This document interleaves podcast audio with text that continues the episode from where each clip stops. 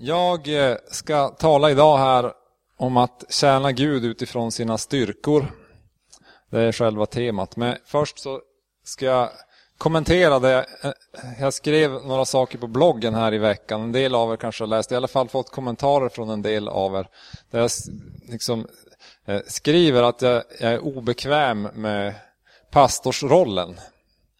För att det är ju så här att i vissa situationer så, så måste man gå in i en roll. Jag, jag som person har olika roller. Jag är äkta man, jag är pappa, jag är, eh, har en roll på mitt jobb på Trafikverket. Jag har en roll i församlingen här. Eh, när jag är i en del andra sammanhang så kan man gå in i olika roller beroende på situationen. Sådär. Och det, det är okej, okay, det gör vi allihop hela tiden på olika sätt. Eh, när jag skriver om, om det här problemet med pastorsrollen, att jag har problem med det, så, så är det ju att Alltså, det är inte att det är något fel med att det finns pastorer, utan det tror jag att det behöver finnas. Så, utan, utan det är mer, vem, vem är jag? Vad har Gud kallat mig till? Eh, vilka gåvor, vilken utrustning har Gud gett mig? Och så tycker jag att det, det, stämmer väldigt dåligt överens på den, på den roll som jag märker att, att människor har på en frikyrkopastor om man får säga sådär. Och det tror jag finns både här i församlingen och på, på alla ställen. Så det, så det är därför jag skriver det här. Eh, orsaken till att jag har skrivit det, det är också för att vi i församlingen tror jag behöver förändra saker och ting. För att det blir för många saker som hänger på mig personligen. När vi skulle behöva kunna ha team som, som jobbar med vissa uppgifter. Eh, framförallt när det är sådana uppgifter som jag inte är bra på men som ändå hänger på mig, på min roll. Och jag har mött reaktionerna under åren här liksom när jag säger att det här är inte jag så bra på. Alltså jag skulle behöva att vi är fler som gör det här. Så får jag liksom uppmuntrande reaktioner tillbaks. Jo men du är visst duktig på det här, det går så bra, det går så bra. Men det, det är liksom inte det jag vill höra. Utan, utan det jag vill höra är, ja men vad bra, vi kan hjälpas åt. Liksom, så här. Men, men då tänker man intuitivt att den här, ja men han är pastor. Det ingår i rollen. Vi måste uppmuntra det så att han kan fortsätta att vara, vara den här, eh, vad det nu är för något. Eh, eh, det jag, jag läste någon unders jag jobbade ju som pastor, jag delade tiden mellan Elimkyrkan och Korskyrkan för några år sedan. Och då läste jag, alltså någon hade gjort någon sån här undersökning, nu kommer jag inte ihåg exakt timmarna, men, men så den förväntan i en församling som finns på, på pastorsrollen för att uppfylla de förväntningarna så skulle man behöva en arbetstid på ungefär 90 timmar i veckan. Bara för att klara liksom alla de förväntningar som folk lägger på, på den rollen. Och Det kan ju vara liksom något att, att tänka till på, särskilt nu då när jag jobbar 80% på, på Trafikverket och lägger en del av min övriga tid på eh, hjälpa andra församlingar och jobbar med församlingsplantering och sådär i Sverige. Om, om liksom, eh, förväntan är 90 timmar på mig i engagemang och sådär så inser ni själva att eh, det, det går inte, det håller inte. Och det man ofta förväntar sig är ju att man ska vara både en herde, en själavårdare, eh, administratör, allt i allo, hålla i planeringen, Eh, predika eller se till att det är någon som predikar. Man ska ha profetiska egenskaper. Man ska vara för, förebedjare och man ska representera församlingen i olika sammanhang. Både i samfundet och på pastorsmöten och i andra sammanhang. Så här. Och det, det, alltså jag, in, jag har personligen insett för många år sedan att det här funkar inte, det håller inte. Och jag, jag är inte den Eh, alltså, jag är den jag är. Men den här rollen är alldeles för, ja, ska man säga, den är för stor på ett sätt och, och den, den, kostymen passar inte riktigt på mig. Sen så kan jag gå in i den olika funktioner ibland när det behövs. Och det är inte så att jag har tänkt eh, sluta i min uppgift på något sätt. Eh, vissa delar som ingår i den uppgift som jag har haft vill jag väldigt gärna dela med mig av till andra. Eh, sånt som, som jag inte är bra på eller sånt som jag inte hinner eller sånt som det faktiskt skulle må bättre av att vara ett team som jobbar med.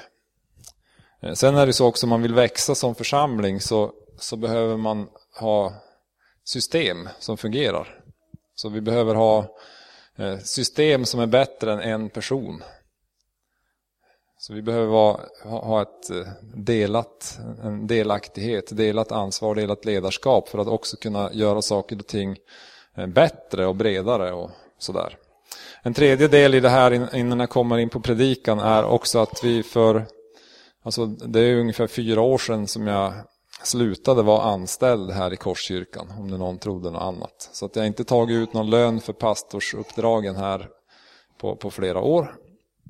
Och eh, i det ligger också en tanke att ja, men, de som faktiskt utför mycket av det här som har med herdeskap och själavård att göra.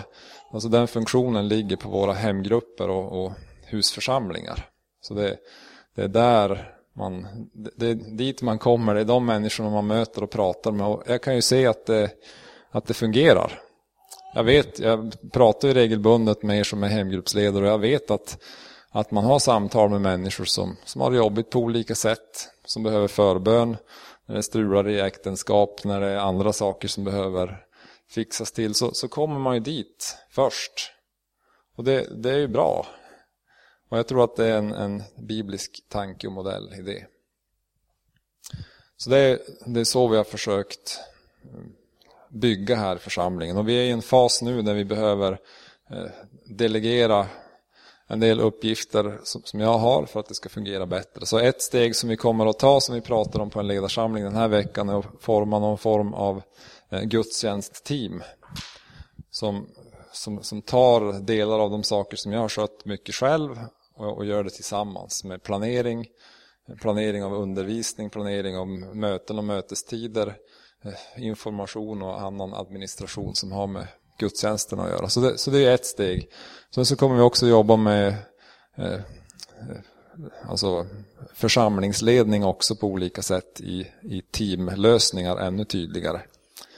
Så när jag skriver på bloggen att, att jag inte är en pastor så, så är jag inte en pastor i den roll som, som kanske flera av er förväntar sig att det ska vara.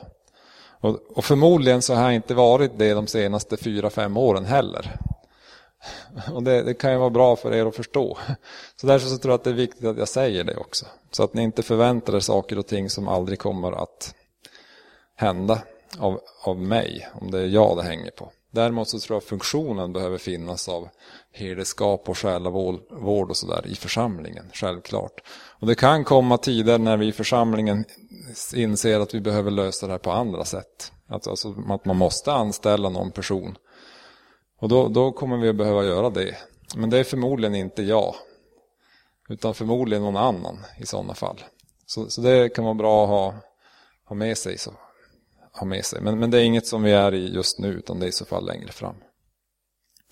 Så, jag tänkte tala lite grann, det här blir en utgångspunkt och det här är lite så här självreflektion till att börja med. Men jag tror att det finns Alltså för mig så, så, så, är det här en viktig princip också.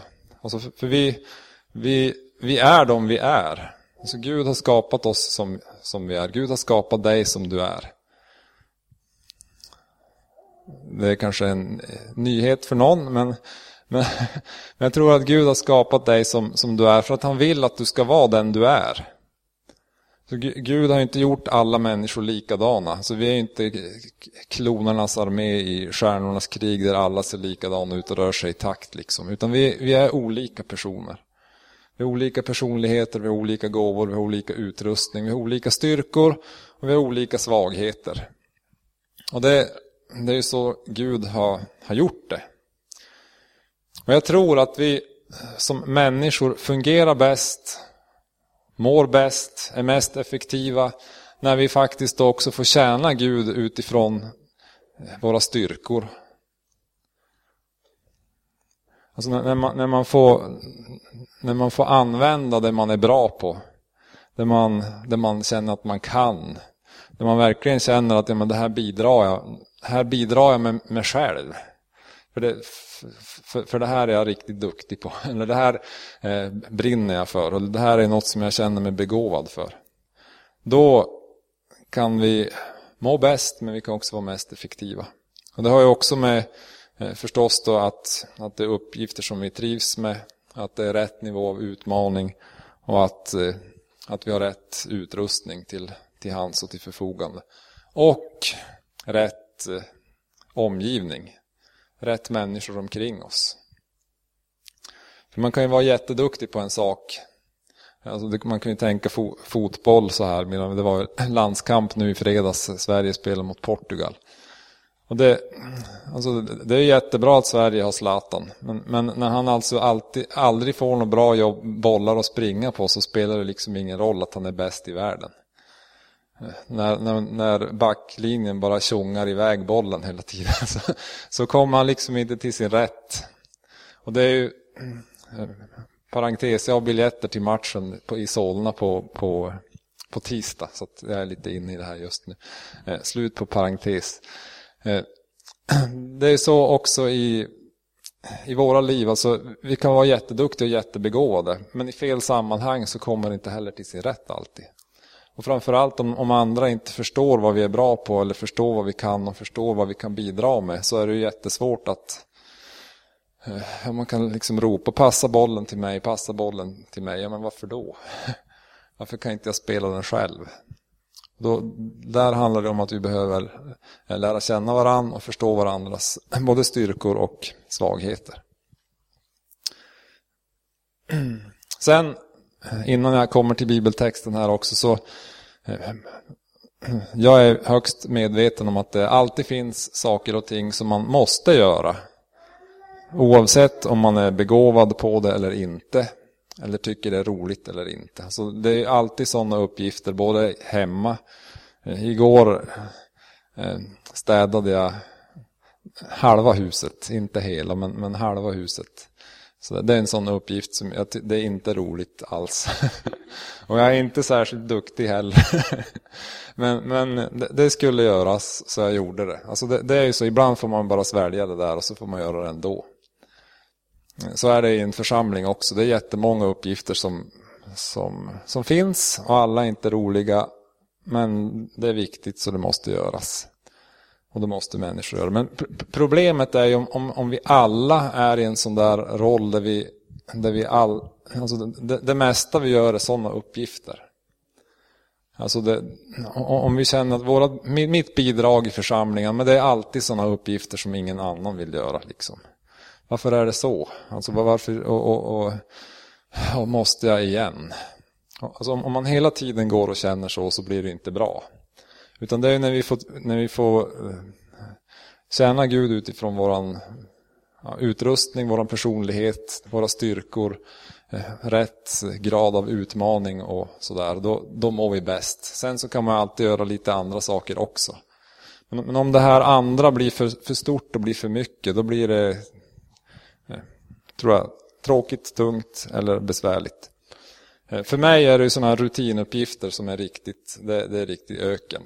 Alltså det måste alltid tvinga mig själv. Man ska, alltså när jag, om, jag ska, om jag springer så springer jag ju sällan två, samma runda två gånger i rad. Liksom. Det, det är för enformigt. Eh, I mina predik och förberedelser så måste jag måste variera var jag sitter och hur jag gör och liksom så här. Annars blir det för enformigt. Så, så liksom det, enformighet är fruktansvärt i, i mitt liv.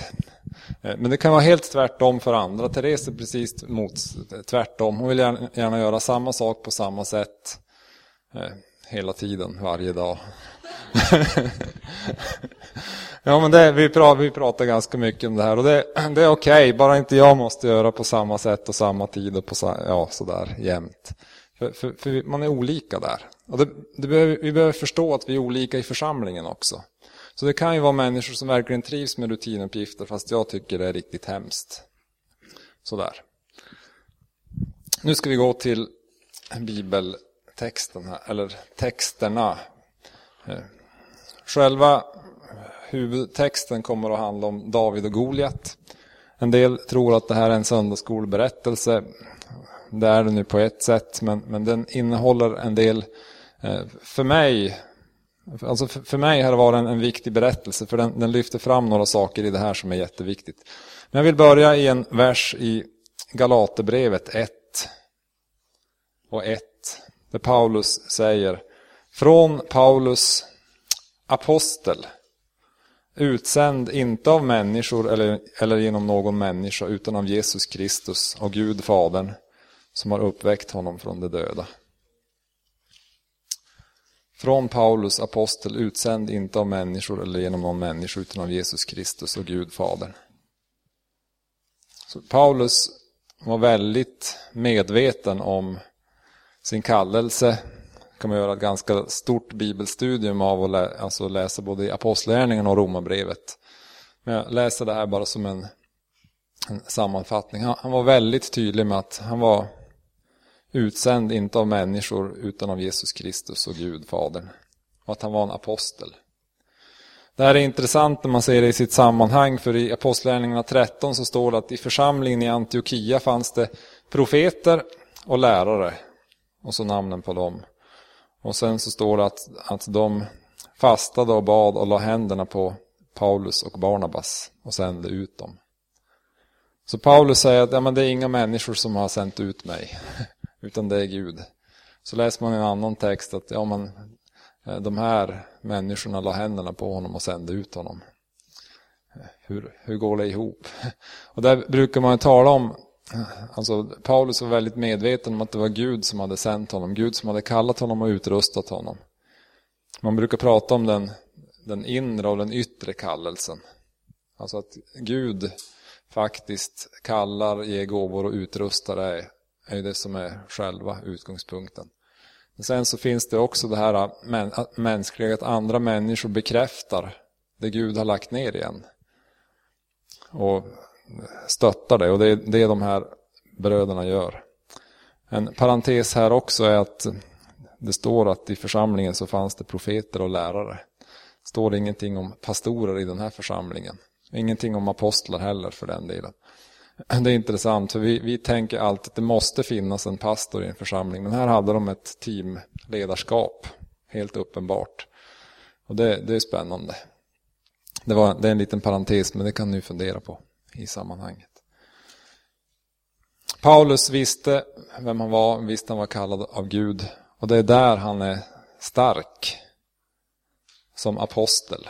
Alltså den som är ett sändebud, den som Eh, går ut, som predikar, människor omvänder sig, som ser till att det startas en församling, att det blir ett ledarskap och sen går han vidare. Oftast är han bara några veckor på varje plats, upp till två år. Och det, han vet vem han är, han vet sina styrkor, han jobbar utifrån dem. Men han jobbar alltid i team också. Han hade Barnabas med sig, han hade Silas, han hade Lukas, han hade en hel massa andra människor med sig i ett, i ett team. Och jag är rätt säker på att de täckte upp saker som han inte eh, gjorde. Klarade av. En liten utgångspunkt det här. Men, men, eh, men, Guds kallelse. Vi ska ha med oss det när vi då går till den här texterna i första Samuelsboken. Vi ska läsa versar här och jag kommer att referera till berättelsen under tiden så att ni hänger med. Men det, men det börjar med att kung Saul är olydig mot Gud och Gud säger till Samuel att han ska smörja en, en ny kung. Eh, Samuel kommer till eh, Isais hus. Så det är Davids pappas hus. Och han kollar på alla bröderna men det är ingen som duger. Så frågar han, har du inte någon till? Och då säger pappan, jo jag har en till som är ute och vaktar fåren. Eh, hämta hit honom. Och sen är det han. Och så står det då i vers i vers ska vi se här, vers 13.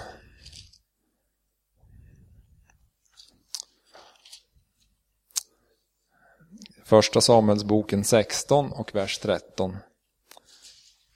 Han är det. Då tog Samuel sitt oljehorn och smorde honom mitt ibland hans bröder. Och Herrens ande kom över David från den dagen och framöver. Så här var det, David insåg vad som hände. Alla runt omkring såg vad som hände. Man förstod att han var kallad av Gud, han var smord av Gud till uppgiften att vara kung. Han är fortfarande en ung kille som vaktar får. Så det här, alltså, grunden är ju att menar, vi har en personlighet, vi har gåvor och Gud kallar oss, och tror jag när vi är kristna, smörjer oss för, för den uppgift som han har tänkt oss. Eh, en del kanske är jättemedvetna om vilken uppgift det är. Andra kanske inte vet särskilt mycket och förstår sådär. Men, men huvuduppgiften i, i, i, att följa Jesus, det är det Ante säger i början. Men följ mig så ska jag göra till människofiskare. Så i följandet av Jesus. Sen så har vi andra bibeltexter som talar om att anden, eh, eh anden kom över dem och de fick kraft. Jesus säger att ni ska få kraft att vara mina vittnen i hela världen. Alltså att, att man får kraft av Gud att, att vittna, att berätta om vem Jesus är, att på det sättet utbreda Guds rike. Då. Men oavsett om man liksom inte förstår exakt, eller så exakt som David eller, eller, eller Paulus, så kan man ändå förstå sina styrkor. Det är intressant när man kommer framåt i berättelsen här, för då eh, Saul, han gick in i någon eh, djup depression och vill ha någon som spelar sånger för att uppmuntra honom. Och då säger en av kärnorna i vers 18 att eh, Betlehemiten Isai har en son som jag har funnit vara skicklig att spela. En järv och duktig stridsman och en begåvad talare. Dessutom ser han bra ut och Herren är med honom.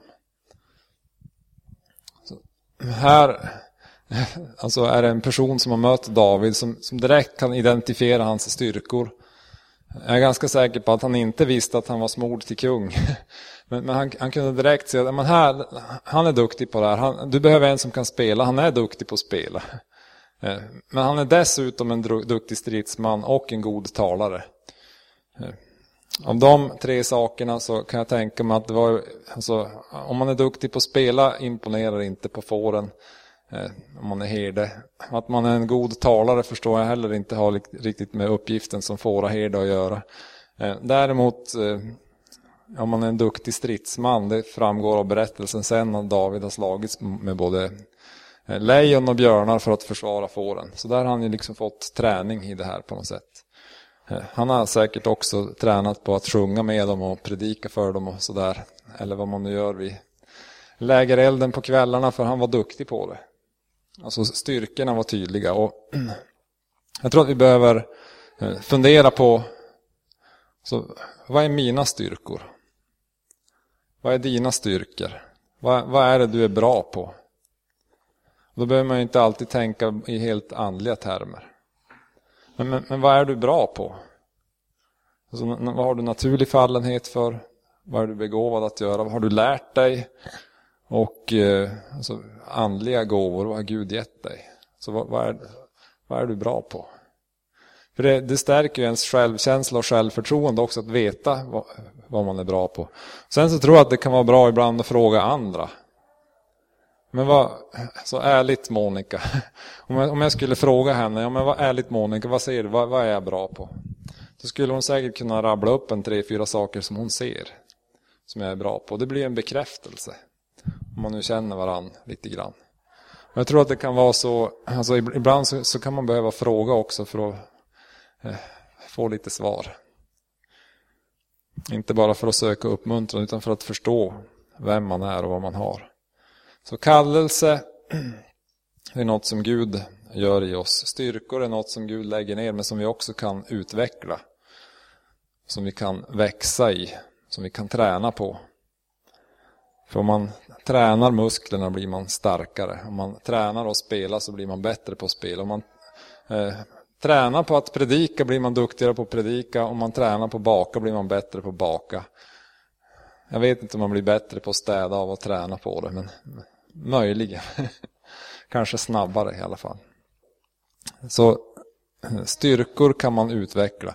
Man kan ju utveckla svagheter också.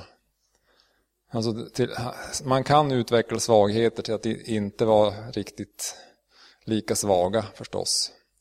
Men, men det är ju mycket bättre att vara riktigt bra på något än att vara eh, medioker på nästan allt. Eller vad man ska säga. Så, så jag tror att, att så vi behöver fundera på styrkorna och utveckla dem. Sen är det så här att han spelar lite hos Saul och sen kommer den här storyn igång med David och Goliat. När Goliat utmanar armén Och då är David hemma och vaktar fåren igen, som han tydligen brukar göra ibland när han inte behövs som eh, sångare. Och eh, då kommer Goliat fram och utmanar armén. Ni känner storyn, men han säger om någon kan slå ihjäl mig så vinner ni, om jag slår ihjäl honom så vinner vi. Eh, enkelt sagt. Och så beskrivs hur han ser ut, han var jättestor och hade jättestora vapen och allting. Och så. Och då skickas David till, till frontlinjen av sin pappa med, med mat till sina bröder. Han kommer dit, han lämnar Eh, fåren till någon att vakta dem. Eh, och eh, ja, kommer, kommer fram här då och ser Goliat, hör vad han säger. Och så ställer han frågan så här. Alltså han, han, han ser det här och, och, man kan förstå att någonting triggas i honom. För, för, han säger, vad får den som slår ner den där filisten? Så vad, vad, får den som slår ner? För han, han på något vis så, så, så tänds, alltså han, han triggas av utmaningen. Och alltså bara frågan tycker jag är intressant. För, för vi, vi, vi utmanas av olika saker. Alltså utmaningar kan man ju... Jag använder utmaning som ett positivt begrepp här. Att vi utmanas av något som känner att, som, som liksom leder oss till handling. Jag utmanas inte särskilt mycket av att huset är ostädat. Sådär. Men, men jag kan ju liksom utmana mig själv och säga, tänk om jag klarar att göra det på en timme. Liksom, så ja, men då, då kan jag liksom känna men nu, är det match här, då utmanas jag av det. Och så kan jag komma till handling. Eh, David han säger, vad, vad får den som vinner här? Alltså helt klart så han är ju tävlingsinriktad, det märker man direkt. Men han inser också att jag har en chans. Jag skulle kunna. Men finns det någonting att tjäna på det? Alltså vad, vad, vad får jag om jag gör det? En, en berättigad fråga. Och det här kan, tror jag också att vi behöver ställa frågan till oss. Vad, vad utmanas jag av? Vad utmanas du av? Vad är det som, som vilka saker är det som, som, som, som, som får dig att gå till handling? Vilka saker är det som, som får dig att ja, det här är spännande, nu tar jag mer tid att be för det här, nu tar jag tid att förbereda mig, nu tar jag tid att eh, verkligen eh, sätta in i det här. Nu, nu, nu börjar jag ringa till mina vänner och engagera folk liksom här. För det här är roligt, det här är bra, det här är viktigt. Så vilka saker är det som, som gör det med dig? Eh, jag vet ganska väl vilka saker som, som, som gör det med mig. Alltså, om jag får en, en, en uppgift som någon säger det här, det här är nästan omöjligt det här har andra försökt men inte lyckas med. Då känner jag, ja men det, nu, nu ska vi för, göra ett försök. För, för jag, jag, tror att det går. Jag tror att det går att starta församlingar där det inte har funnits någon tidigare. Jag tror att det går att starta församlingar där det har misslyckats tidigare. Jag tror att det går, på mitt jobb också, liksom, tror att det går att göra saker och ting som andra inte har klarat av tidigare. Och för, för med Guds hjälp är allting möjligt. Så det, det, sådana situationer utmanar mig. Och då känner jag, det här går jag igång på. Eh, jag har en aning om att alla andra inte är så. Du är kanske inte så. Du kan, det kanske är andra saker. Att, åh, här, härligt, tänk att få göra det här tillsammans med tio andra och det får vara roligt och festligt och härligt och, och girlanger och blommor och sånt. Kanske du går igång på, det gör inte jag. jag kan förstå att det är bra, att det är viktigt. Men, men, men, men det är olika saker som, som triggar oss till, till handling, till bön, till engagemang. Och jag, jag tror att det är viktigt att vi förstår det också. Kallelse, styrkor, utmaning. Sen fortsätter den här berättelsen med att han möter sin äldste bror Eliab. Han hade hört hur han talade med männen och han blev rasande på David och han sa Varför har du kommit hit? Åt vem har du lämnat den lilla fårjorden i öknen? Jag känner ditt övermod och ditt hjärtas ondska. Det är för att se på striden som du har kommit hit. Alltså här är storebrorsan som ju då är, han är eh, eh, första brorsan och David är väl sjunde eller åttonde eller vad det då är. Så att, alltså det, är, Eh, det är minst sju år emellan dem, förmodligen tio år. Här kommer brorsan som är tio år äldre och säger, men varför är du här? Du din lilla, eh, vad gör du? Eh, vad gör du här? Fattar du inte att du måste ta hand om fåren? Har du bara lämnat din uppgift för att komma hit och liksom se på det vi stora killar håller på med? Så här. Så han, han, han har inte sett styrkorna hos David. Utan han, han ser ju liksom bara lillebrorsan där. Som, som han kommer ihåg som en femåring mest troligt. Och, och sådär. Och ser inte vad, vem, vem han är och vad han kan. Och inte vilka erfarenheter han har sådär heller. Så han, han eh, eh, ska säga, han, han förstår inte att David är kallad. Han förstår inte att han har styrkor. Han förstår inte att, eh, att han triggas av utmaningen. Och det, det kan ju vara på grund av eh, eh, rädsla. Det kan ju vara att han känner sig hotad i sin roll som storebror. Det kan vara massa olika eh, anledningar. Men, men vi får inte bli förvånade om människor liksom eh, inte förstår. Det, det ingår i det och ibland så är det närstående människor som inte förstår vad Gud, har, vad Gud har sagt, vad Gud har lagt ner i oss. För de ser bara det de har sett tidigare. Alltså de ser bara lillebrorsan, eller de ser bara det där misslyckandet som vi har gjort någon gång i livet. Och så ser de inte vad Gud ändå har, har lagt ner i oss. Sen eh, tar sig David förbi brorsan och kommer till Saul, till kungen. Och fortsätter så här att ja, men jag, jag är beredd att strida.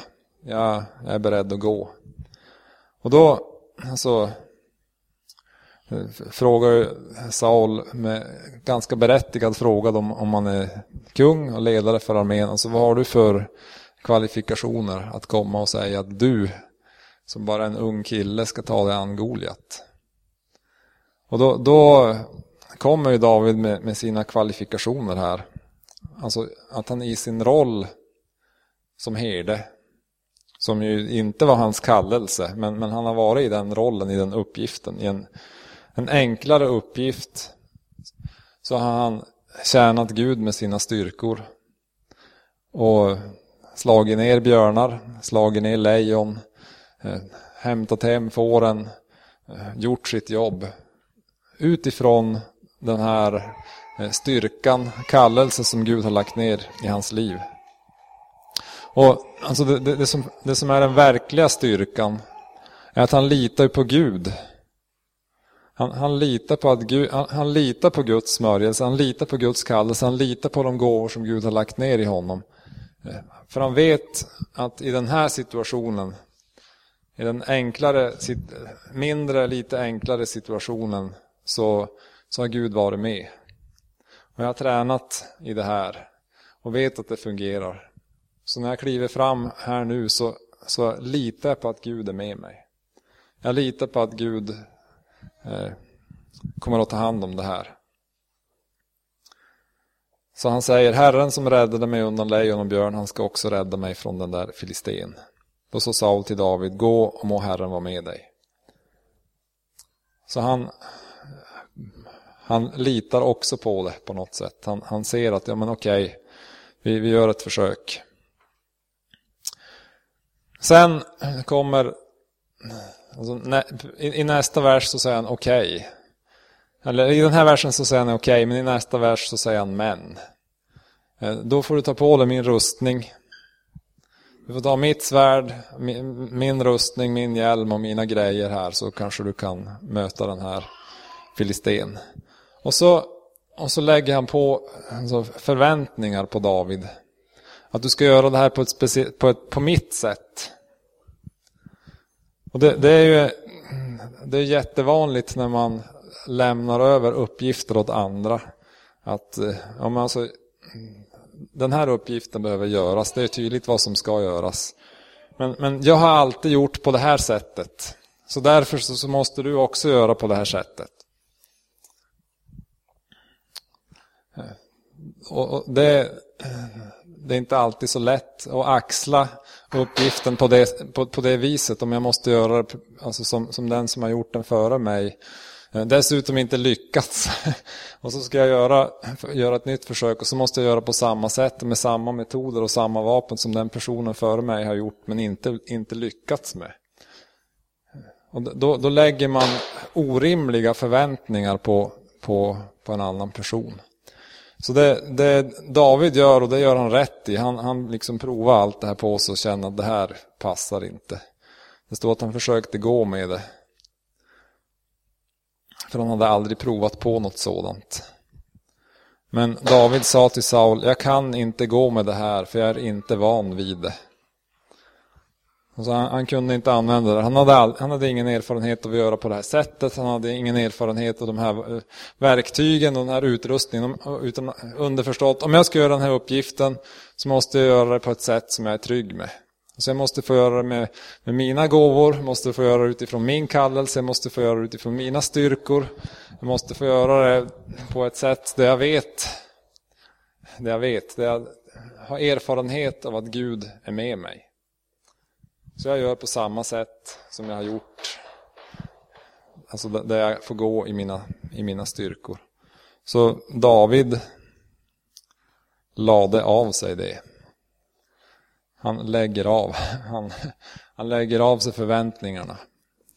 Han lägger av sig kungens rustning och så går han i den han är.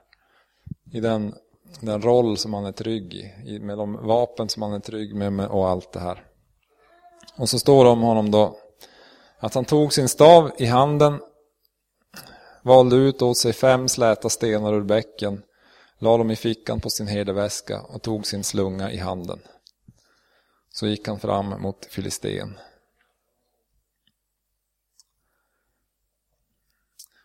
Han alltså förbereder sig på sitt sätt. Han plockar de här stenarna som han själv väljer. Förmodligen han, han är rätt säker med den där slungan antar jag. Så han vill ha stenar som han rätt form, vikt, balans, vad det nu kan tänkas vara, hårdhet.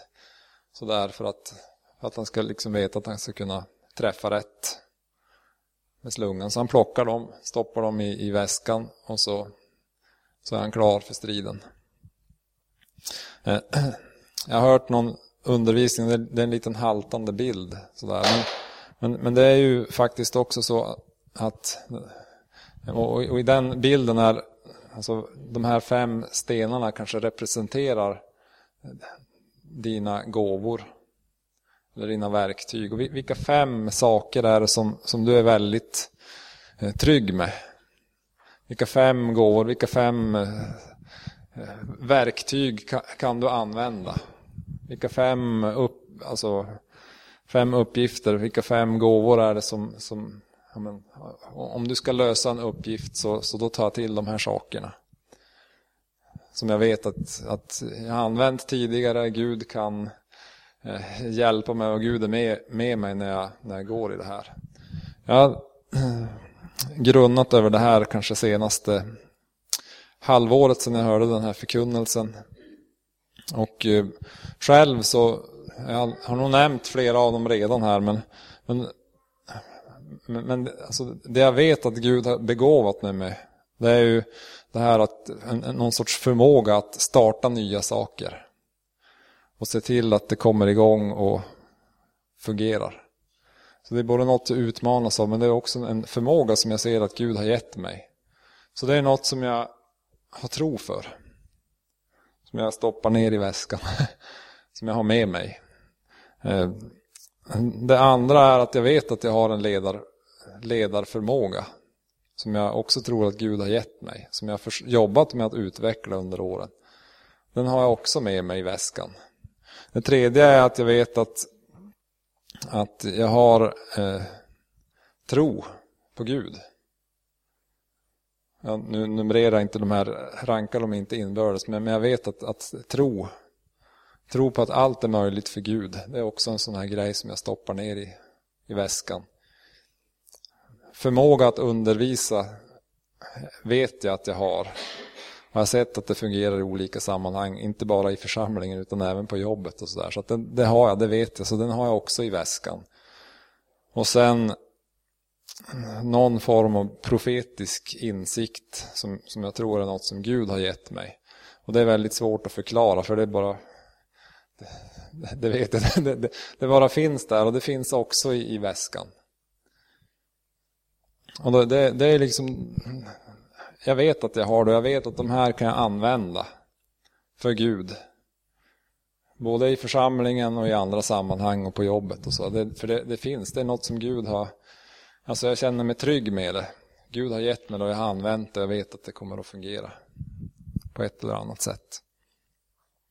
Så, så David han går fram emot Goliat. Och så säger han så här i vers 45. Du kommer mot mig med svärd och spjut och lans. Jag kommer mot dig i Herren Sebots namn. Han är Gud för Israels här som du har hånat. I Herrens Sebots namn, i Herrens namn. Han har plockat på sig de här grejerna, men, han vet att han kommer i Herrens namn. Och att, alltså, när man säger att, att han kommer i Herrens namn så är det att han, han faktiskt kommer i Guds ställe, skulle man kunna säga. Om jag, alltså jag skulle kunna skicka Caroline på, på ICA. Posten finns ju inte längre. Men jag skulle kunna skicka henne på ICA med mitt ID-kort och så med hennes ID-kort. Och hämta ut ett paket. Då kommer hon i mitt namn till ICA och får ut paketet sitt namn och med mitt namn och så får hon det. David kommer i Herrens namn. Han är där istället för Gud själv. Så står han där. Och han vet det. Det är det han säger. Jag kommer emot dig i Herrens, Guds namn. Den kommer emot dig i, i Guds ställe. För han, han, han vet alla de här sakerna som jag pratade om, att han är kallad av Gud. Han vet vad hans styrkor är. Eh, han vet att han kan använda vapnen som han har med sig. Han har erfarenheter av att när han har gjort det tidigare så, så har Gud varit med honom. Så det är med alltså, oerhört stort eh, både självförtroende men framförallt förtroende, tro på Gud. Så man plockar första stenen, sätter den i slungan, skickar iväg den och den träffar rakt i pannan på Goliat. Och faktum är att alltså, man brukar ju prata om David mot Goliat. Och att det är liksom, man använder det i dagligt tal att ja, men nu är det David mot Goliat, nu är det en liten en mot något jättestort. Och den där lilla har egentligen ingen chans. Men faktum, faktum är att berättelsen är ju precis tvärtom. Så Goliat hade aldrig en chans. Goliat hade aldrig någon chans. Alltså, när, när da, direkt när David kommer upp och säger vad, vad får den som vinner? Alltså för, från den stunden har Goliat inte en chans. För, för, för, David har med Gud att göra. Och han är kallad av Gud, han har styrkor i Gud, han är begåvad av Gud. Och han vet vad han har och han använder det. Och han vet att Gud är med och Gud är, eh, Gud kommer att ordna medvind och Gud kommer att hjälpa min hand och Gud kommer att se till att den där stenen träffar målet. Så, så Goliat har ingen chans. Och det, det är ju så också när, när vi får, får tjäna Gud med våra styrkor och framförallt utifrån det Gud har kallat oss till. Och när vi vet att Gud är med oss och Gud har sagt och Gud har liksom eh, skickat oss in i uppgiften så, så har Goliat ingen chans. Fienden har ingen chans. För, för eh, Jesus vinner alltid. Utmaningen här till er, för jag ska avslunda, och, och, även till mig, alltså jag ska avsluta predikan här, det är ju, så jag har ställt frågan, vilka är dina styrkor? Så var, var är du stark när det handlar om att tjäna Gud eller att eh, utföra din uppgift. Och hur, hur tränar du de styrkorna? Gör du det? Vad utmanar dig till handling? Behöver du fundera på. Eh, Finns det något, om vi nu tänker församling och korskyrkan, jag vet att ditt liv är större än, än, än korskyrkan, men om du tänker på, på församlingen, så finns det någon uppgift eller någonting här som du utmanas av. Eller känner man här skulle det vara roligt att få vara med i ett team och be och fundera på det. Så kan vi göra det här tillsammans. Eh, du kanske går också med förväntningar som, som du känner, men förväntningarna på mig är helt annorlunda än vad de jag klarar av. Men var ärlig med det och säg, ja, men, okay, jag, jag skulle jättegärna vilja vara med och hjälpa till med det här, men, men i så fall så, alltså jag kan inte göra på det här sättet eller som man har gjort tidigare eller som ni kanske förväntar er. Men vad förväntar ni er? Eh, det här, kan jag, det här kan jag göra, det här kan jag stå för, det här, så här kan jag göra. Och eh, slutligen här i, i allt det här eh, Guds eh, kallelse, Guds smörjelse eller vad man ska säga. Så, eh, var finns Gud i det här? Vad har Gud sagt till dig? Vad har Gud lagt i ditt liv? Var, var, var känner du att Gud rör sig i, i ditt liv? Eller när du gör vissa uppgifter, när, när, när känner du att Gud är som allra närmast? Eller märker att han är som allra närmast? Det är också en, en signal på att man är i rätt sak och gör rätt sak. För jag tror att om vi tillsammans som, som församling skulle kunna tjäna Gud med våra styrkor så skulle vi kunna få väldigt mycket uträttat. Men, men det, det börjar med att jag själv förstår, att vi tillsammans förstår och att vi vågar prata om det här. Att man faktiskt vågar säga att men vet, den här uppgiften är riktigt öken. Eller tvärtom, alltså den här, det här. Tänk om, om jag fick vara med och göra det här. Och så kan man jobba i team tillsammans. Så kan man jobba på olika sätt, både i hemgrupperna, husförsamlingarna, men också som, som ledare på olika sätt i team och göra uppgifter på det viset. Så tror jag att vi skulle kunna få vara till mycket större välsignelse i Luleå och för människorna som är omkring oss. Så om jag går varvet runt och eh, kommer tillbaka till det jag började med. Alltså jag, eh, jag är obekväm i pastorsrollen. Men, men det är inte för att jag liksom inte tror att det inte behövs, nu vart det många inte, men jag tror att det behövs, eh, tror att det behövs pastorer. Men, men jag vet att Gud har lagt andra styrkor andra saker på mitt liv som, som, som gör att jag känner att ja, men jag, jag trivs inte och jag har svårt att passa in i den rollen. För, för det, i alla fall de förväntningar som, som ligger på mig av sånt som måste göras för att församlingen ska fungera och, så, och av de uppgifterna som ligger på mig just nu så är det många av dem som, som jag får slita väldigt mycket med för att få gjort. En sån sak är det här med att få iväg annonseringen i predikoturerna.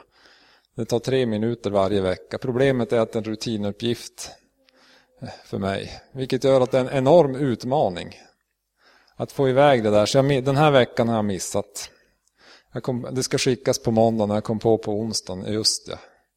Jag har så oerhört, alltså även om jag liksom, jag har satt eh, så här äh, äh, alarm i mobilen och jag har liksom skrivit det på andra listor att det här måste jag göra. Så när det plingar i mobilen, ja just det, det måste jag göra. Men jag håller på med något mycket roligare just nu så jag fixar det lite senare.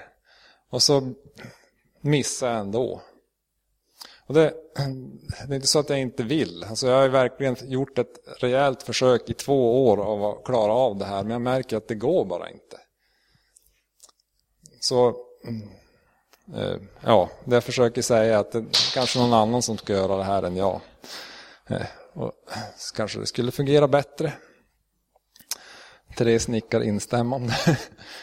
Och det finns en, del, en, en hel del andra sådana saker som kan förväntas av oss för att det ingår i rollen. Och så här blir det så oerhört svårt för oss och så blir det, om vi lyckas så blir, blir ändå kvaliteten inte bra. Och så kanske man kan liksom vara ärligare och tydligare, men det här kan jag faktiskt göra och bidra med. Och då eh, känner jag mig bättre, jag mår bättre och det blir bättre för alla. Och så får alla vara med och bidra och göra något som är bra för församlingen och för Gud. Jag ska inte prata mer om det här. Jesus, vi tackar dig för att du är stor och mäktig. Tack för att du är en Gud som har skapat oss som vi är. Tack för att du har kallat oss som vi är. Tack för att du vill göra oss till någonting som är mycket mer än det vi var från början. Tack för att du vill lägga till din smörjelse, din kallelse, dina gåvor, din utrustning. Tack för att du vill hjälpa oss också att utveckla de styrkor som vi har. Jesus ber att den här undervisningen och förkunnelsen ska fortsätta att utmana oss de här närmaste veckorna. Hjälp oss som församling också att eh, leva och fungera på det här viset. Så är det en utmaning i sig att kunna få det här att landa och fungera på ett smidigt och bra sätt. Men ber att du ska hjälpa oss med det, Herre. Vi ber också att du ska eh, beröra de människor som är här idag. Vi ber att du ska få eh, förnya din kallelse, att du ska peka på saker och ting. Visa på styrkor, visa på gåvor, Herre. I Jesu namn. Amen.